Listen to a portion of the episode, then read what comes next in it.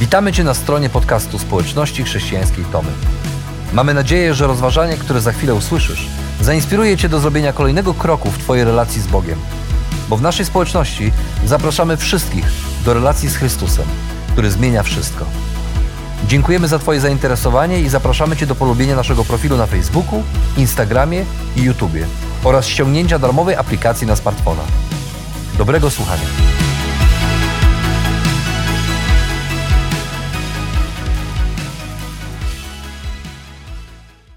Jeśli jesteś kierowcą, e, to pewnie nieraz zdarzyło ci się podczas jazdy korzystać z GPS-u.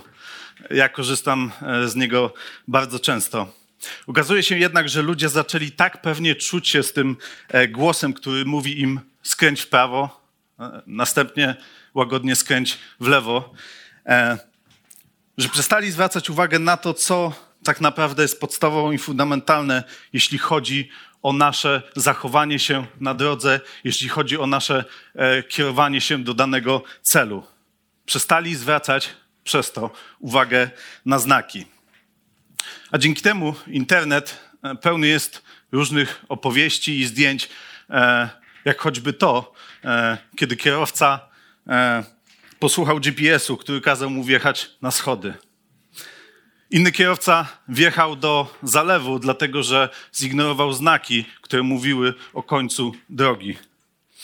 Rodzina z Wielkiej Brytanii ucierpiała wypadku, dlatego że kierowca zaczął zawracać w miejscu niedozwolonym, bo tak kazał mu GPS.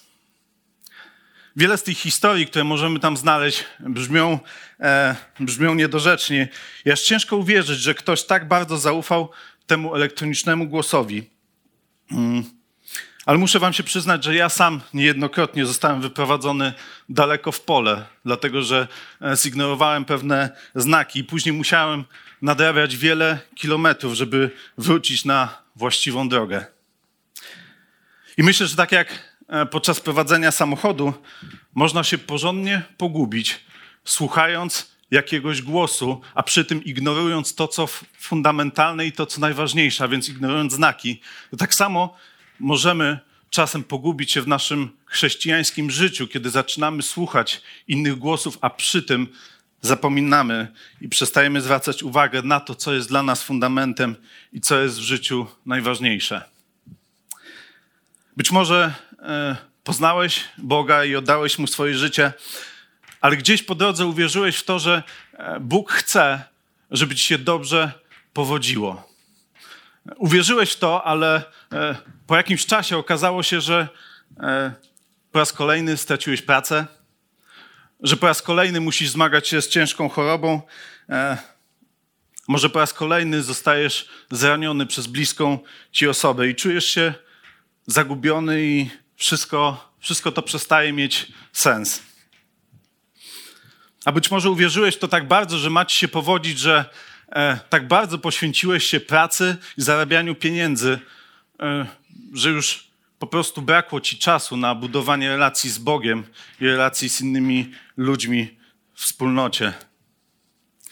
A może uwierzyłeś w to, że e, skoro Bóg umarł i zapłacił za Twoje grzechy, to tak naprawdę teraz nie ma znaczenia to, jak żyjesz. Możesz robić wszystko, ale szybko okazało się, że, że w tej swojej wolności E, pogubiłeś się i straciłeś właściwą drogę.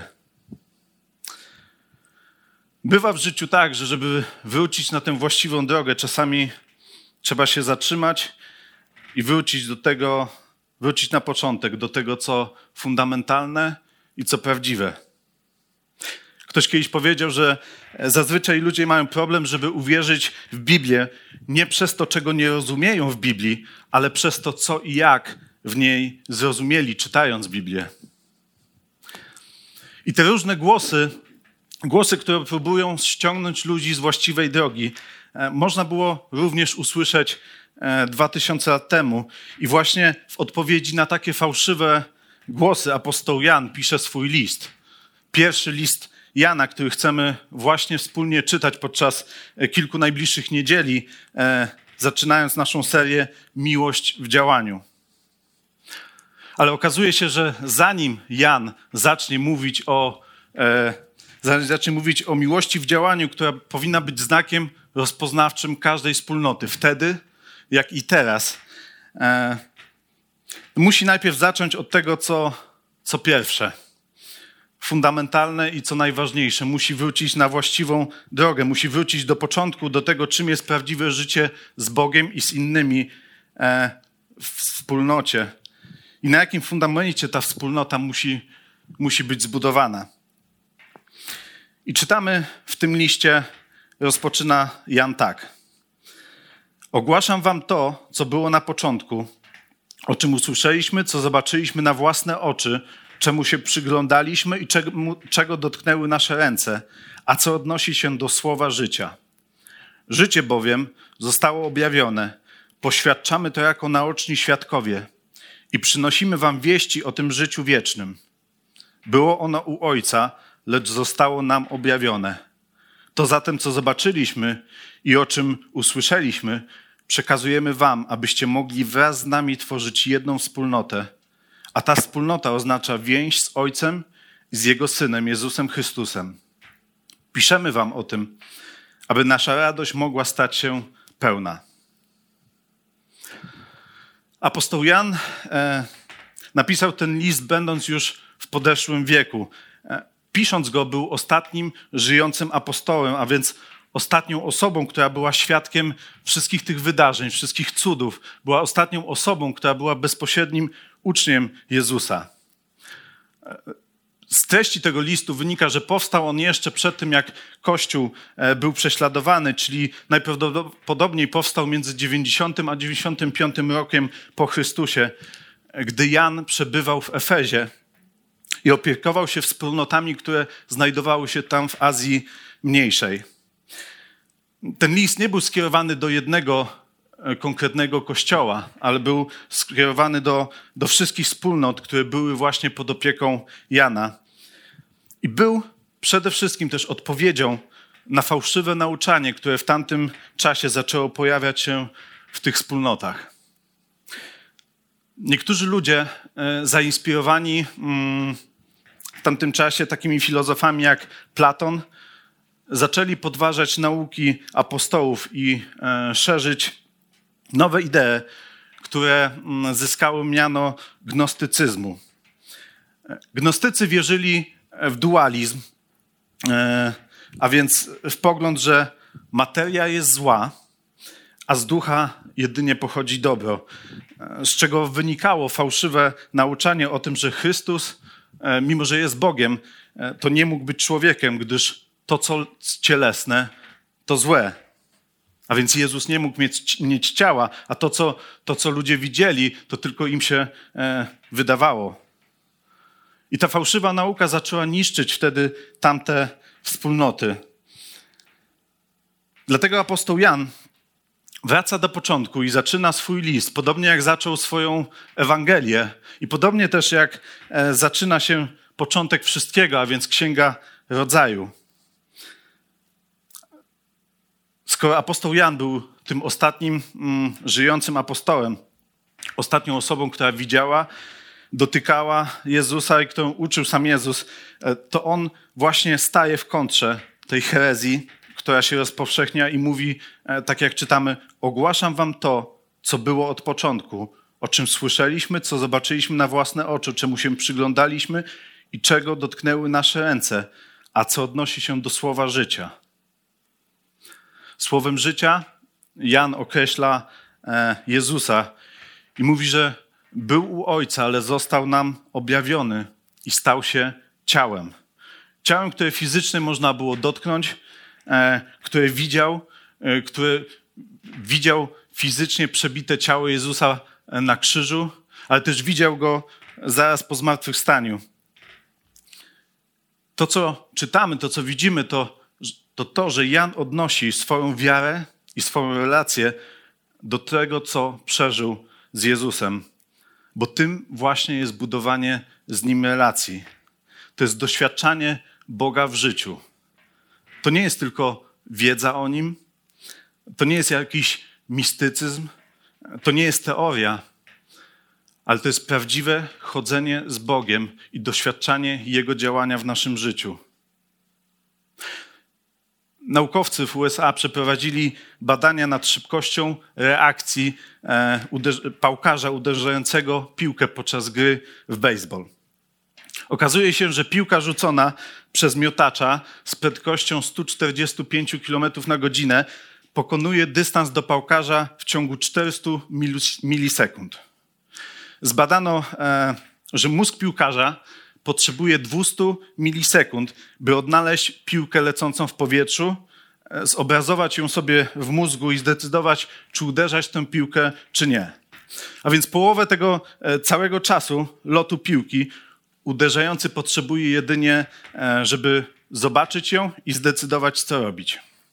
A jeśli już zdecyduje, że uderza tę piłkę, to mózg potrzebuje kolejnych 100 milisekund, żeby zdecydować, w jaki sposób ją uderzyć. Czy uderzyć niskie uderzenie, wysokie, na zewnątrz strefy, czy do, czy do wewnątrz. A więc mija 300 milisekund, zanim uderzy piłkę.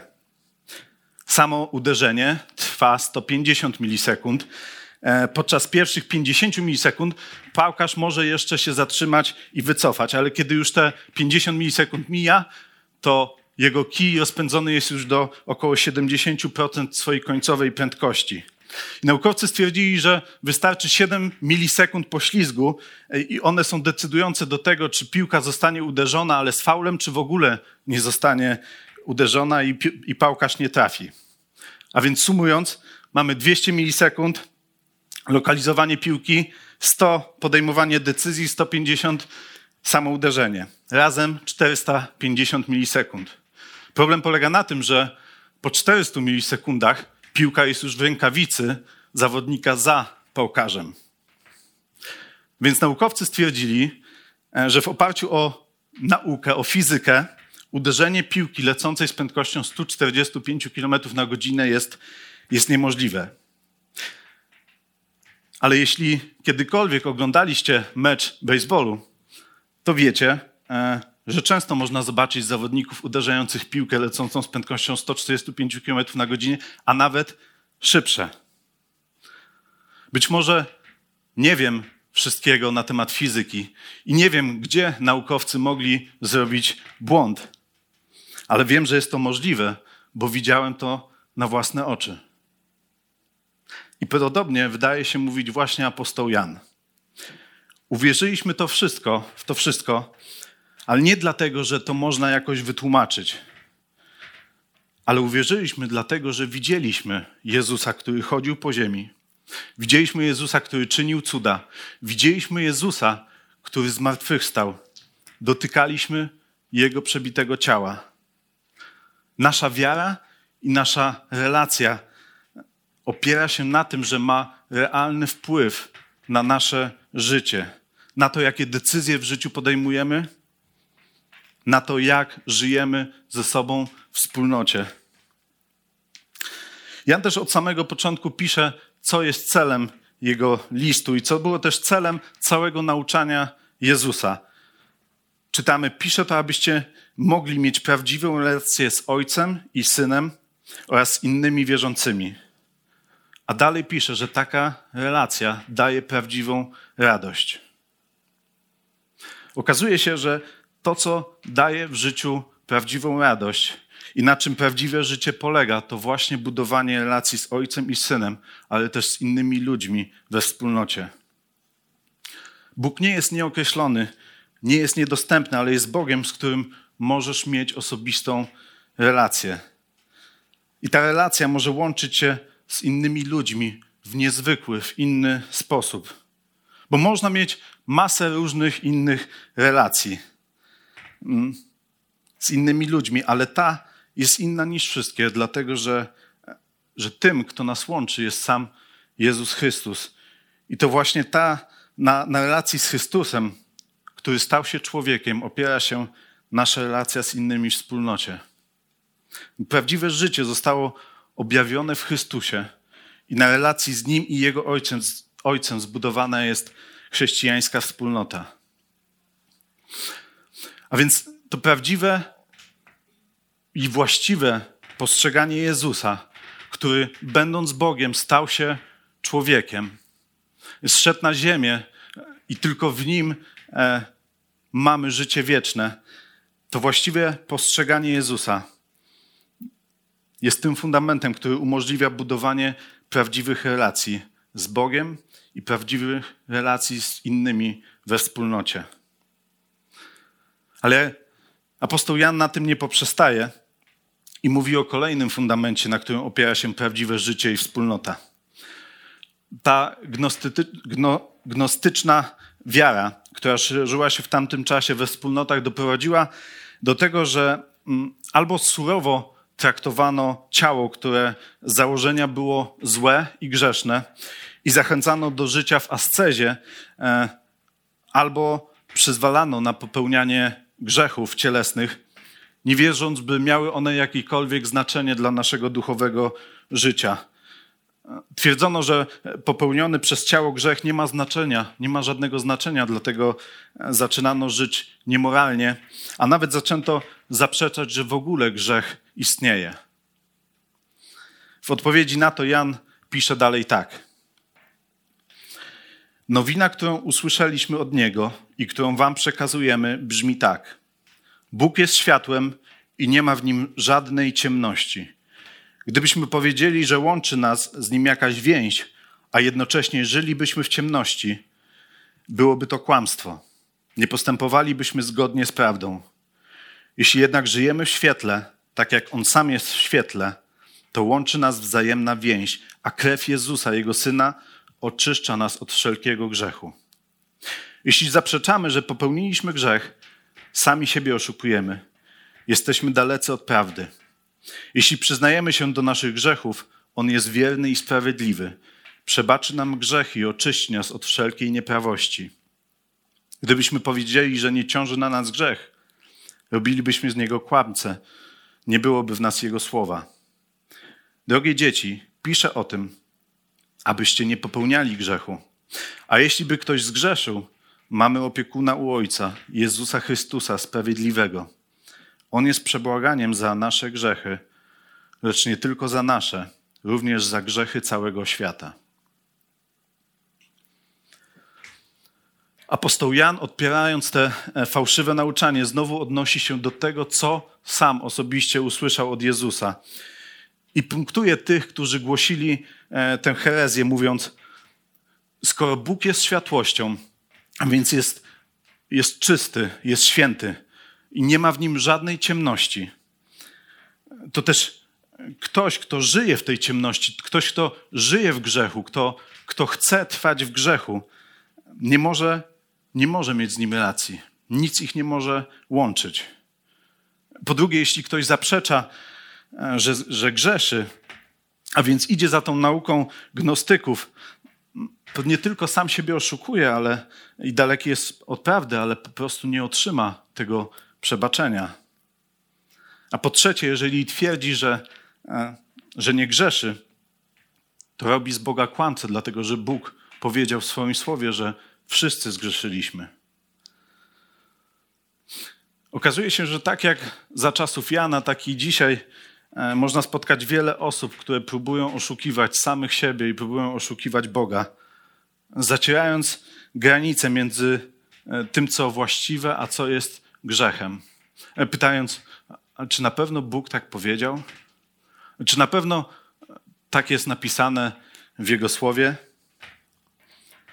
Kiedy te granice są już tak zatarte, że okazuje się, że z pomocą muszą przyjść twórcy aplikacji. CBS News informuje, że powstała aplikacja na iPhone'a i iPada o nazwie Budka Spowiedzi. Jedynie co musisz zrobić, to wyznać dla swojego iPhone'a, co zrobiłeś, a on skonfrontuje to e, z listą dziesięciu przykazań i na koniec wyświetli ci twoje grzechy e, wraz z pisemnym aktem skruchy. Brzmi jak żart, ale niestety, niestety to prawda. W XVIII wieku we Francji żył pewien sceptyk, który był znanym filozofem. Krytykował chrześcijaństwo, krytykował Boga, e, żył i robił, co mu się tylko podobało, nie przejmując się Bogiem. A pod koniec życia, kiedy leżał już na swoim łożu śmierci, przyszły do niego pewne osoby i zapytały: e, Nie martwisz się, co jeśli okaże się, że Bóg jednak naprawdę istnieje? Hmm. Nie przejmujesz się tym? Co mu, co mu wtedy powiesz? No przecież zaraz umrzesz i może się okazać, że staniesz przed Bogiem, że jest On prawdziwy. I co mu wtedy powiesz? A on odpowiedział: Nie, nie martwię się. Zawsze wiedziałem, że Bóg prawdopodobnie istnieje.